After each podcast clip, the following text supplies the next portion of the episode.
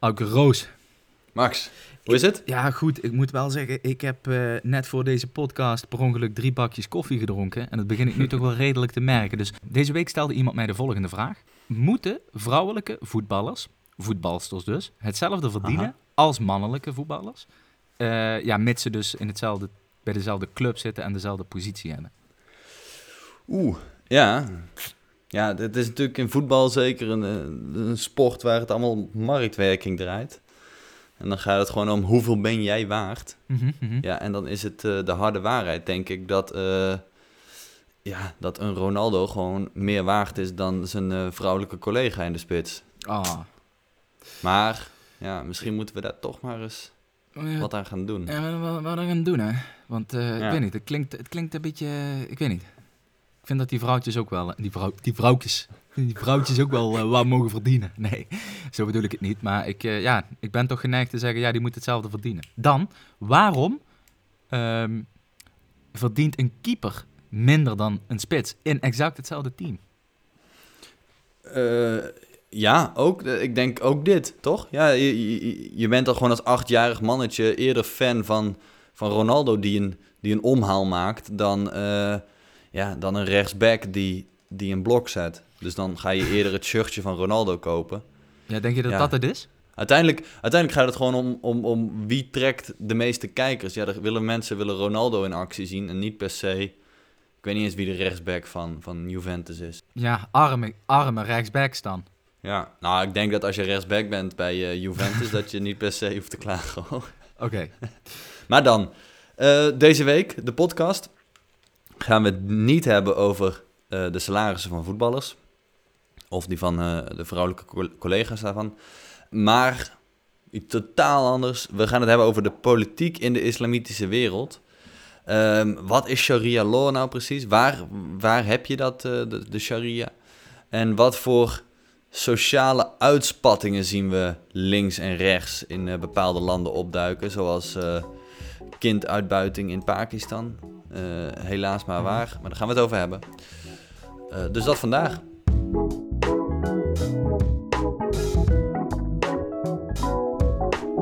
Dit is met een korreltje zout.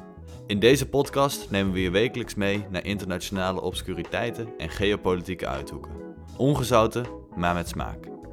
Wij zijn Max en Auke. Welkom.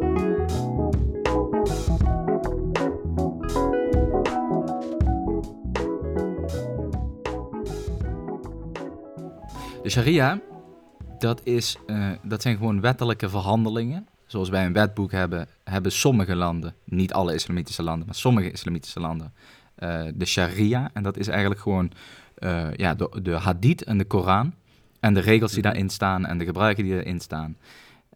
ja, vertaald in een soort legal framework. Hè? Dus jij, jij zult dit, Mm. jij zult dat, of jij zult niet dit en jij zult niet dat. Ah, dus Eh, eigenlijk gewoon een soort eh, RIVM met hun richtlijnen. Maar dan, maar dan misschien iets extremer. Ehm, eh, ja, oké, noem het maar een... R- ja, goed, de- het RIVM van de, van de islamitische wereld. Nu heeft het RIVM net, ja, geen, geen jurisdictie, dus die kan niet zeggen... je krijgt tien zweepslagen als je niet anderhalve meter afstand houdt van eh, je kameraad. Zou wel goed zijn, overigens. Hoezo? Nou, dan houden mensen zich tenminste aan die regels. Paats, hup, zweepslag eroverheen. Juist, en als je het twee keer doet, dan, eh, dan zagen we een vinger af. Ehm, Niks meer halve maatregelen. Nee, gewoon hoppatee, vinger eraf. Ik heb dus daar wel een, eh, ik heb daar een statement over. En dat eh, ga ik jullie nu doen toekomen. Namelijk, ik denk dat het overgrote deel, dus het merendeel van de mensen die in landen wonen waar sharia law, eh, dus het sharia-recht, eh, van kracht is, dat die Mhm. totaal niet zitten te wachten op sharia-recht. Ik Mm. noem een Saoedi-Arabië, ik noem een Iran. Mhm. Ja, ja, ja, ja, want dat zijn wel de, de hardcore sharia-landen. Saudi-Arabië, Irak, Iran, Pakistan. Ja, maar ik, ik denk dus ja. dat dat haak staat op eh, eh, de overtuiging, eh, en ook dus de islamitische overtuiging van de meeste mensen in die landen. En dat die zoiets hebben van, ja goed, het is dat, het is dat mijn kop eraf wordt gehakt als ik het er niet mee eens ben. Maar ja, ik zou Ja. dat zelf anders aanpakken. Eh, nou ja, je zag natuurlijk eh, een jaar of acht geleden hè, de Arabische lente die zo over de hele Arabische wereld ging. Mhm. Eh, ja, dat kwam er natuurlijk uit voort dat mensen een soort diepe eh, een haat hadden tegen het leven onder een autocratisch gezag. Mhm. En dat begon dan in Tunesië en dat is overgewaaid naar Egypte, Marok- Marokko, maar er ook, ook andere Arabische landen. Mhm. Ehm, ja, dan zien we toch, ik denk dat we toch moeten concluderen dat daar vrij weinig echt structurele veranderingen eh, door zijn gekomen. ja, Maar misschien geeft het wel aan dat mensen inderdaad ja, niet zo graag onder zo'n onder zo'n autocratisch gezag willen leven. Ja. Kijk, je zag bijvoorbeeld wel, je ziet wel dat er veranderingen zijn. Dus eh, Tunesië heeft wat veranderingen doorgevoerd. Ik geloof dat Marokko wat aanpassingen in de grondwet heeft gehad. Nou, in Egypte misschien wel de grootste verandering. Daar is Mubarak na, na enkele tientallen jaren afgezet. Maar daar is gewoon de volgende eh, Jan, eh, Jan Lul voor in de plaats gekomen.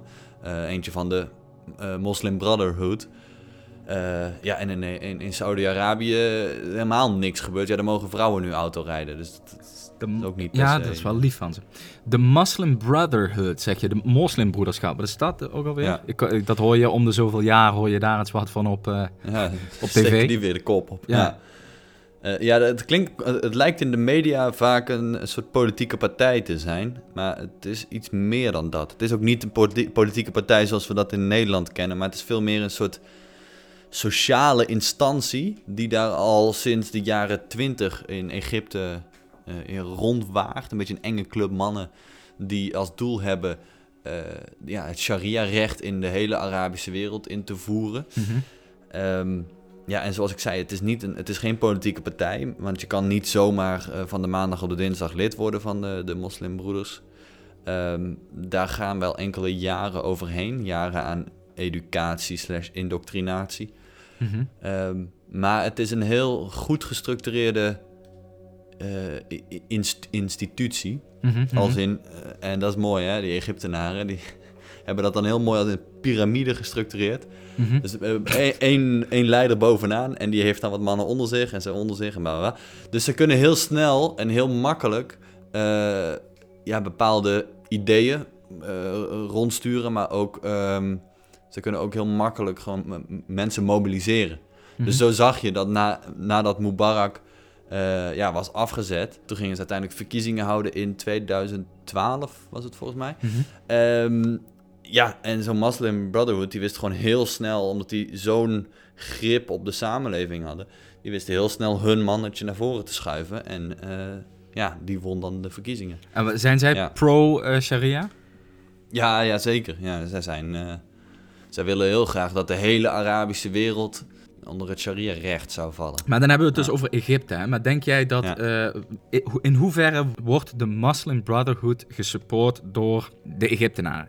Zeg maar, hebben die, is, dat, is, dat, is het zo dat iedereen het met die mannen eens is? Of dat dat een klein clubje is die met handig hier en daar met wat potjes geld schuiven naar goede doelen, ziekenhuizen en scholen, weet ik veel wat, dat die daar eh, een vinger in de pap kunnen krijgen? Of hoe werkt dat, zeg maar? Wat is hun positie in die samenleving? Nou, het leek in eerste instantie wel alsof, die, alsof er flink support was. Want in 2012, nou, toen eh, waren dus die verkiezingen. Die Muslim Brotherhood die schuift eh, een Mohamed Morsi naar voren. Ehm, maar Morsi heeft het daar, moet ik het goed zeggen, nou, iets meer dan een jaar volgehouden. En toen was hij ook alweer klaar. Dus eh, ja, na iets, iets meer dan een jaar als president van Egypte. Mhm, Toen mocht hij ook, werd hij ook weer eh, aan de kant geschoven. mhm. Ja, dus het lijkt alsof daar toch niet per se heel veel eh, support is. Al moet ik zeggen, hij is niet per se heel democratisch aan de kant geschoven. Dat was ook gewoon weer door een coup d'état, een, Mhm. een, staats, een staatsgreep. Ik weet niet zo goed in hoeverre heel Egypte een soort widespread support heeft voor eh, de moslim, eh, het moslimbroederschap. Nee, weet ik niet. Mhm.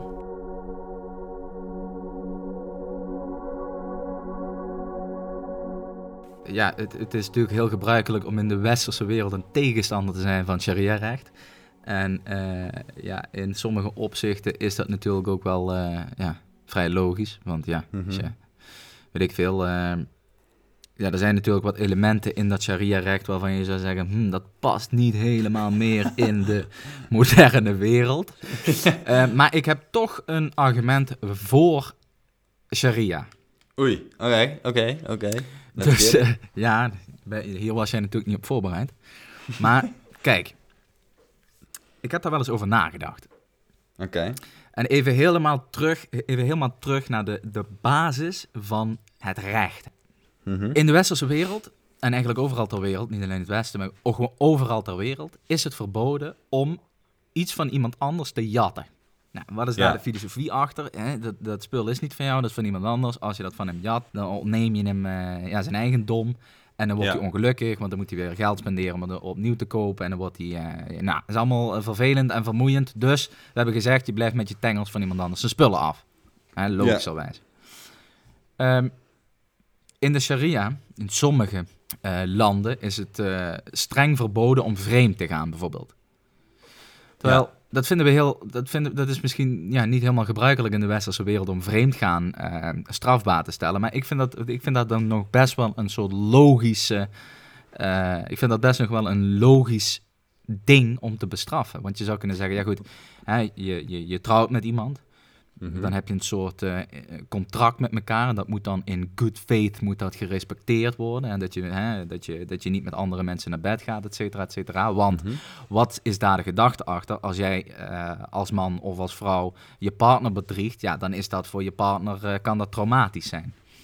En dat willen we dus voorkomen, snap je? Dus je wil die schade, die wil je voorkomen. Dus stel je dat strafbaar. Nou, in principe Ja. vind ik dat helemaal niet zo, zo gek. Nou, in, in veel westerse landen, eh, Nederland heb, weet ik het voorbeeld niet uit mijn hoofd van, maar Italië was eh vreemdgaan gewoon tot halverwege de 20e eeuw nog strafbaar. Mhm. Eh, in Nederland weet ik niet precies hoe dat in Nederland zat, maar het is niet per se een heel, een heel ouderwets begrip om, om vreemdgaan eh, strafbaar te stellen. Maar ja, dat is bij ons nu toch wel eruit, dat dat strafbaar is. Ja, is dat dan een argument om, om, om voor sharia te zijn? Want het is niet... eh, kijk, je hebt een verschil tussen strafbaar stellen en, en strafbaar stellen, want... Ja, in Nederland mag je ook niet jatten. En als je jat, dan krijg je een, een boete of je gaat de gevangenis in Mhm. weet ik het. Ehm, en als ik het goed zeg, in, in Saudi-Arabië, als je daar ge- gepakt wordt voor diefstal, dan gaat je hand eraf. Nou ja. goed, dat zal misschien een hele extreme. Maar ook daar kun, je weer, daar kun je weer over filosoferen. Want wat wij eigenlijk doen, is we straffen mensen ehm, ja, eh, mentaal. Hè? Dus als je mensen in een. eh, Foucault trouwens, die heeft daar nog een, eh, een aantal mooie boekjes over geschreven, filosoof. Wij zetten mensen in een gevangenis. Dus dat is eigenlijk een soort mentale straf. En zij voeren lijfstraffen uit. Is een fysieke Hmm. straf. Maar ik Mhm. denk dat als je helemaal, dus ik wil heel, niet helemaal filosofisch uitweiden over straf, want dat is een, natuurlijk een groot onderdeel van, van de filosofie. Maar Hebben we ook wel een eerder een podcast over gemaakt trouwens. hebben we Inderdaad. inderdaad, in december volgens mij. juist, hebben we al een keer een podcast over gemaakt. Maar ja, goed, waarom is het ene beter dan het ander? Snap je? Waarom is het beter om eh, Mhm. iemand vast te zetten dan om hem duizend keer met een zweep over zijn rug te janken? Kijk, eh, lang verhaal kort, het is best moeilijk om daar keiharde statements over te maken. Snap je? Oké. Het is. Dit is beter, want zus of zo. Dat is beter, want zus of zo. Ja. Dus ik denk dat we een beetje in dat licht moeten kijken naar die sharia-rechten. Naar die, Mhm. naar die sharia-wetgeving. Dat, zeg maar, dat dat in de basis helemaal niet zo gek veel verschilt van wat wij hebben. Of ben je het daar totaal niet mee eens? Kan hè? Het kan dat je zegt, eh, Mm. Max, eh, wat een gelul. Nou goed, ik ben het. Kijk, ik snap wel dat de basis misschien hetzelfde is, maar eh, ja, de basis is niet de uiteindelijke uitvoering. En ik denk dat de uiteindelijke uitvoering ja, toch iets minder plezant is. Dat, zie je, dat zie je dus ook in veel, veel landen. Eh, in landen als Afghanistan en Pakistan ehm, is die sociale constructie zodanig in mijn optiek eh, verstoord Mhm. dat eh, vrouwen zo kei en keihard onderdrukt worden. Die Mhm. worden daar in, sommige gevallen niet eens als, als menselijk gezien, maar meer als een soort een, een ding wat je. Een, een vrouw heb je en die Ja. moet je thuis houden en die, die moet vooral de bek houden en die moet de kinderen asset. verzorgen. Ja. Dat daar, en, en, en vrouwen moeten ook vooral niet in het openbaar leven verschijnen. Gewoon thuis houden en daar moeten ze dat ding doen. Mhm, mhm. Ehm, en dat, dan zie je uitwassen Mhm. in Pakistan en in Afghanistan. eh, dat mannen zich dus uiteindelijk maar gaan. als, eh, kinderen gaan gebruiken als, als uitlaatklep. En het is niet eh, nu zomaar een statement die ik hier eh, los in, in de podcast gooi. Maar er is een structureel probleem in Afghanistan en Pakistan. Met de uitbuiting van jonge jongens. Maar Vooral eh, jongens. Hoe, want je, je zegt dit nu wel, maar wat is dan, in hoeverre houdt dit dan verband met sharia? Nou, dat zijn. Hè, Pakistan en Afghanistan zijn wel twee van de hardcore sharia-landen, Mhm. eh, waar, waar, ja, waar die wetten eh, toch wel heilig zijn. Dus ik denk dat je wel een correlatie kan zien tussen aan de ene kant die wetgeving en die strikte sociale hiërarchie en, en cultuur. En aan de andere kant die uitwassen waarbij jonge jongens, en dan heb ik het over 8, 9, 10 jaar oud, Mhm. eh, gewoon keihard misbruikt worden. Maar als ik het dus goed begrijp, dan zeg jij dit. Je krijgt een, een samenleving waarin de verhouding tussen man en vrouw eh, een beetje verstoord wordt. Als in dat dat, dat, dat geen Nou, natuurlijk... niet een beetje, maar volledig. Ja, oké, volledig verstoord. Eh, het is goed dat je me trouwens verbetert. Moet wel duidelijk zijn. Ehm, en dat daardoor dus seksueel wangedrag ontstaat. Is dat wat je zegt? Ja. ja. Oké. ja. Eh, nou ja, ik denk, ik denk dat sharia één van de ingrediënten is. Er zullen ongetwijfeld, ik ben geen antropoloog, maar er, er zullen ongetwijfeld wel, eh, ja, er zijn veel meer ingrediënten. Zeker in Afghanistan, waar je eh, een land hebt wat al sinds de jaren 70 volledig getraumatiseerd is. Dat speelt Mhm. ook een grote rol. Speelt dat niet een grotere rol? Ja, misschien wel, misschien wel. Want waar jij het over hebt, tenminste, d- dat, dat gok ik dan even, dat vul ik dan even voor je in. Ik ga er een Ja. beetje vanuit dat jij het hebt over Bacha Bazi, wat, Ja. eh, zo heet dat in het Afghaans. Ik heb, Ja. dat is misschien voor de luisteraar even ter verduidelijking. Eh, ik heb dus een Afghaanse vriendin, al jarenlang.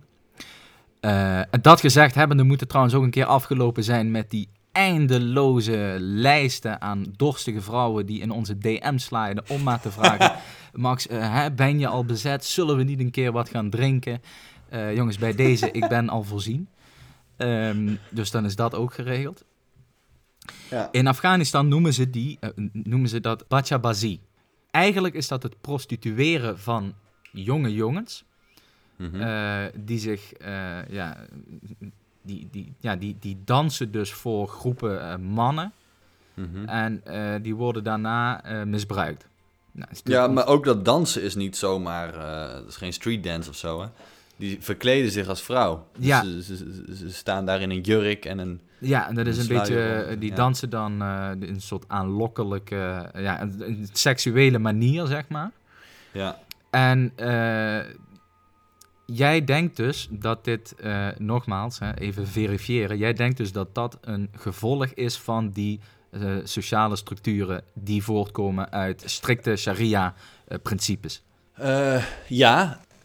Ja, ik denk dat dat uiteindelijk toch een vrij ongezonde manier van samenleven is, inderdaad. Ja, en dat, ja, dus je ziet dat nu in, in, in Afghanistan. Maar ik denk dat het eigenlijk in Pakistan nog schrijnender is. Eh, in, in hoeverre dat eigenlijk kan eigenlijk niet. Want we hebben het, dat Bacha Bazi, misschien dat dat niet helemaal duidelijk was. Maar die jongens die, die zijn dus een jaar of acht, tussen 8 en 15. Dansen dus s'avonds dan voor een groep Afghaanse eh, mannen. Die daar dan naar ze zitten te kijken. Dus het aanlokkelijke, sexy we- eh, manier. En aan het einde van de avond dan ja, de hoogste bieder die mag met die jongen, ja, die mag die jongen meenemen naar huis. Nu Ja, is toch. het zo dat ik dus denk dat religies, vooral de monotheïstische religies, hè, dus eh, het jodendom, het christendom en eh, de islam, Mhm. eh, vooral dan hè, in de wat, wat strengere uithoeken van die religies, gewoon veel te veel bezig zijn met seks. Het is gewoon, het, zeg maar, ze, zijn zo, ze proberen zo erg seks niet onderdeel te laten zijn van, van het leven, Mhm. dat het super seksueel wordt. Ik heb eens een voorbeeld gehoord waarbij ehm, Afghaanse kinderen waren dat dan. Die, eh, dat waren eh, eh, meisjes en die gingen op bezoek bij hun eh, oom en tante. En die, hebben dus, die, die oom en tante hadden ook kinderen, hun neefjes. Ook jonge kinderen, zelfde leeftijd. En die mochten dan niet, die mochten dan niet op dezelfde kamer spelen. Of op- in dezelfde kamer zijn, omdat er dan, hè, want mannen, vrouwen, en je, en je weet het wel. Hè? En En die denk ik, die, die- dat waren jonge kinderen. ja, gewoon jonge kinderen. Maar stel, stel het waren geen jonge kinderen, weet je. Stel het zijn kinderen van 16. D- Het is, it's in the eye of the beholder, weet je wel. Die, als die Mhm. ouders dan denken van, oeh, ja, dat kan wel eens een keer. Dat zegt veel meer over die ouders dan dat het zou zeggen over die kinderen. Ja. Snap je wat ik bedoel?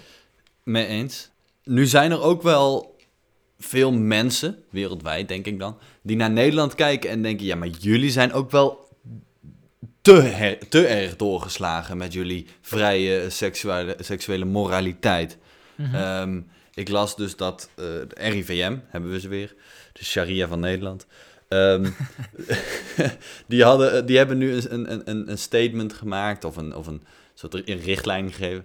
Waarin ze zeggen: Ja, mensen, misschien moet je het nu in deze coronatijd maar een soort uh, ja, een, een hug buddy of een sex buddy mhm. vinden. Om dan toch daar maar uh, ja, misschien je seksuele frustraties mee uh, te kunnen delen. Ja. Misschien zo te kunnen. Ja, en nou ja, toen ik dat hier in Italië aan een aantal mensen um, vertelde. Mhm. En dan hebben we het over jonge mensen gestudeerd. Zeiden ze van, wat? Wat is dat? Weet je, dat, dat zou hier totaal niet kunnen. dat een overheidsinstantie zoiets uh, predikt. Maar ik, ik snap dus niet waarom een overheidsinstantie niet over seks zou kunnen uh, adviseren. Dat is toch de normaalste zaak van de wereld? Slapen, ademen, eten, seks. Dat, zijn toch, dat, dat heeft, krijgt iedereen mee te maken. Uh, waarom moeten we daar zo ontzettend ingewikkeld over doen? tuurlijk, ik ben ook geneigd om te zeggen, ja, er zijn wel grenzen, je moet, je moet niet mhm. te wild worden. Maar datzelfde geldt voor eten, snap je? Je moet gewoon, eh, weet je, je kan eten wat je wil, maar doe gewoon met bestek en uh, flikker het niet tegen je gezicht aan. uh, dus ik bedoel, we hoeven daar toch niet zo ontzettend lastig over te doen. Dat vind ik zo raar aan die, aan die extreem godsdienstigen. We spreken dan in deze podcast over de sharia en, en landen waarin de sharia heert. Doe nou niet zo moeilijk. Kijk, seksualiteit is een beetje wat we er zelf van maken. Hè? Dus in, we zijn, in Nederland bijvoorbeeld zijn we er uh, al heel erg ver mee. Maar mhm. ja, af en toe uh, hoor je nog wel eens dingen voorbij komen over uh, homoseksualiteit en weet ik het allemaal wat. En of, of dat mhm. bijvoorbeeld mensen het vreemd vinden dat er een soort LHGBTQ plus gemeenschap is. Van allemaal mensen die gewoon anders seksueel georiënteerd zijn dan Jan Lul uit Roelevarensveen. Snap je? Wat boeit mij dat? Het boeit mij toch geen, geen reet? Snap je? Het boeit mij toch, eh, toch niet wat iemand... Het boeit mij ook niet als jij geen frikandellen lust, maar wel kroketten. Snap je? Ja. Maar dat is ook een beetje mijn, mijn frustratie die ik afgelopen weken kreeg toen ik veel aan het, aan het studeren was over uh, de islamitische wereld en de politiek daarin. Mhm. Dat ik merkte uh, dat die politiek daar vooral heel veel draait om mensen, mannen, die andere mensen vertellen hoe je moet leven. En vooral wat je niet mag. Ja. Dat ik denk, je maar... De patriarchy. Ik ben nog gewoon een beetje allergisch. Ik ben een beetje allergisch voor, het, voor mensen die andere mensen vertellen hoe je moet leven.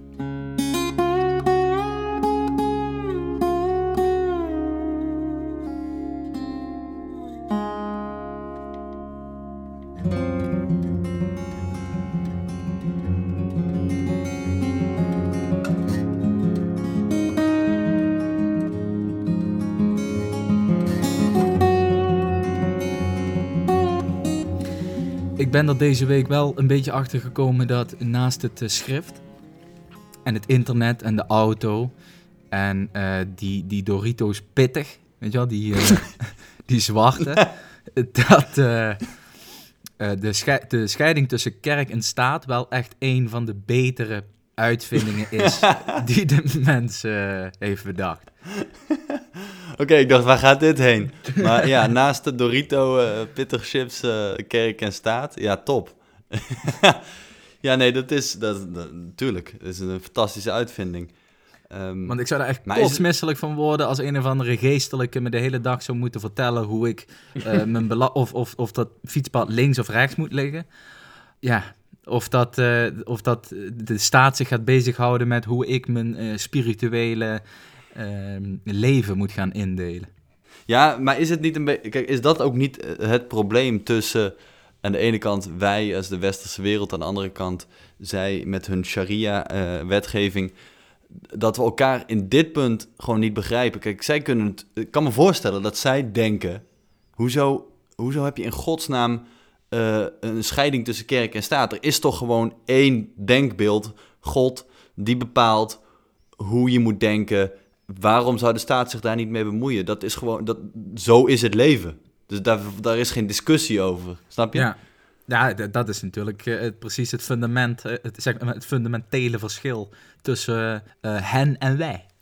Je zag ook dat een van de oprichters van de Muslim Brotherhood, Qutb heet hij, die is ja, voordat hij eh, bij de Muslim Brotherhood zat, eh, is hij naar Amerika gegaan. Mhm. En daar is hij geradicaliseerd. Als in, daar zag hij, dit, dit was in de jaren 60 of 70 uit mijn hoofd. Mm. Eh, daar zag hij allemaal losbandige vrouwen met, met mini-rokjes. En mannen die aan de bar hingen, half dronken. Ja, en toen dacht hij, ja, kijk, dit is het verval van de samenleving. Dit is het verval van cultuur. Dit is wat de duivel doet als die vrij spel krijgt. Ja, Oké. toen kwam hij terug en toen heeft hij dat hele... eh, hij is een beetje de, de, de ideologische leider achter de Muslim Brotherhood Mhm. geworden. Wat ja. eh, we misschien wel nog even moeten aanstippen is het volgende. Wij hebben het net over die, die eh, praktijken, die Bachabazi-praktijken in Afghanistan gehad. En zo zijn er nog wel meer rare zaken. En jij geeft eigenlijk terecht aan dat dat ja, niet zozeer direct een gevolg is van het hebben van sharia, maar dat, dat het hebben van sharia dat soort praktijken wel in de hand kan spelen. Door die Mhm. seksuele moraal dus. Maar ja. we moeten niet vergeten dat heel veel zaken die bijvoorbeeld in een land als Afghanistan eh, gebeuren, eh, dat dat wel tribale aangelegenheden zijn. Want Afghanistan bijvoorbeeld is een tribaal eh, land. Ja, dit, dit klinkt even heel heftig, maar de, de, de Afghaan, laten we even zeggen de etniciteit Afghaan, dat bestaat niet. Dus Afghanistan is een land dat bewoond wordt door een aantal ja, etnische groeperingen, waarvan de Pashtun de eh, grootste groepering zijn. En dan heb je nog Tajik en je hebt Oezbek en je hebt Hazara's en je hebt, de, je hebt er nog een aantal. Maar Mhm. ehm, die, die Pashtun, die maken dus eh, de dienst uit eh, over het algemeen in Afghanistan. En Pashtun hebben hun eigen culturele normen, hun eigen wetten. Dat noemen ze Pashtunwali. Nou, er zitten een paar hele vreemde wetten bij. Zoals? Nou ja, je hebt van die praktijken, dat heet bijvoorbeeld Ba'at. En dan, ehm, nou dat zit als volgt in elkaar. Stel, eh, ik, stel jij, bent een, eh, jij bent even een Pashtun en ik ben een Pashtun. En één- iemand van mijn familie eh, doet iets, ehm, doet iemand uit jouw familie iets aan. Dan kan ik jou tegemoetkomen door een vrouwelijk familielid van mij eh, aan jou te geven als dienstmeid of als, als een slaaf, zeg maar. Oké, Even heel kort door de bocht, hè, maar... eh, klinkt fair. ja, klinkt fair, maar ja, dat soort dingen, dat is dus geen sharia één op één. Dat is Ah, Pashtun ja. wali, dat is Pashtun cultuur. Ja, en jij zegt we moeten oppassen dat we dat niet op één hoop gooien. Want het zijn eigenlijk twee, eh, twee verschillende wetgevingen. Of zo Ja, precies. Dus dat je niet bij iedere, bij alles wat raar is, wat uit het Midden-Oosten komt, zegt, oh ja, sharia, zie je dat wel? Zie je dat wel? Die, die, geeft, gewoon, die geeft gewoon zijn nichtje weg. Is gewoon een, die geeft gewoon zijn nichtje weg als dienstmeid aan zijn vriend. De sharia, die gekke. Ja, Nee, dat is natuurlijk, hè. Er zit natuurlijk een verschil in. ja. Maar dat neemt niet weg dat het nog steeds compleet idiote wetgeving is. Of het nou sharia is of, of tribale stammen, nee, weet dat, je. dat, dat is volledig, eh, dat is natuurlijk volledig waar. Wat natuurlijk een nadeel is van het hebben van een grondwet die 1500 jaar geleden ja, opgetekend is. ja, een keertje opgetekend is. Uit allerlei overleveringen waarvan nog maar de vraag is in hoeverre dat eh, de ja, betrouwbare verhandelingen waren.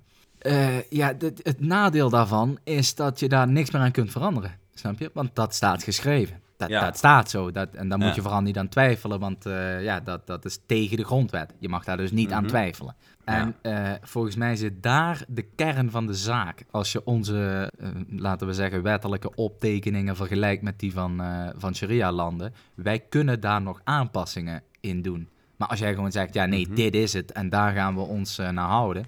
Ja, dan, Ja. weet je, dan daar valt niks meer aan te veranderen. Tenzij Ja. je dus zo'n eh, Arabische lente begint of een revolutie. En het maakt niet uit of dat nou in een Arabisch land is of in een Perzisch land. Ja, het is wel handig, tenminste dat denk ik, als je nog eh, op afspraakjes terug kunt komen. Ja, ja je, bedoelt, je bedoelt te zeggen dat het wel goed is als je een, een grondwet hebt waar je nog eh, enigszins open staat voor verandering. Ja, is dat niet een, een kernonderdeel van een grondwet? Ja. Dat dat geen vaststaand ding is, maar een soort, dat dat een beetje ehm, vloeibaar is, zeg maar? Ja, als wij als, als in Nederland eh, volgens mij eh twee derde meerderheid in de Eerste en Tweede Kamer eh, morgen zeggen vrijheid van meningsuiting, weg ermee. ja, dan is dat overmorgen een, een feit. Ja, of we hebben overmorgen een burgeroorlog, dat kan ook. Ja, ik denk dat die kans vrij groot is. Maar hè, bij wijze van spreken, technisch gezien werkt het zo. Overigens, wat je zegt over dat die grondwet, dat vind ik, eh, maak ik even een klein uitstapje. Maar dat vind ik altijd storend aan Amerika. Die, die hebben hun grondwet ook als een soort heilig boek verheven. Ja. Terwijl ik denk, jongens, eh, Dat dat, is ook, dat is ook maar een grondwet uit 1776 uit mijn hoofd. Zo'n rotsvast eh, concept. Joh, ja oké, daar hebben ze nog wel wat amendments aan eh, toegevoegd. eh, vandaar dat er geen slaven meer rondlopen daar. Ehm, maar die doen ook altijd alsof dat zo'n heilig geschrift is. Mhm. Zo'n grondwet moet je gewoon aanpassen soms. Dat doen die. Dat de- de- hebben de Fransen eh, recentelijk nog gedaan. Eh Nederlandse grondwet is ook niet zo heel oud. Mhm. Maar joh, ga af en toe een beetje mee in die tijd. Hè, pas het aan Mhm. en ga door.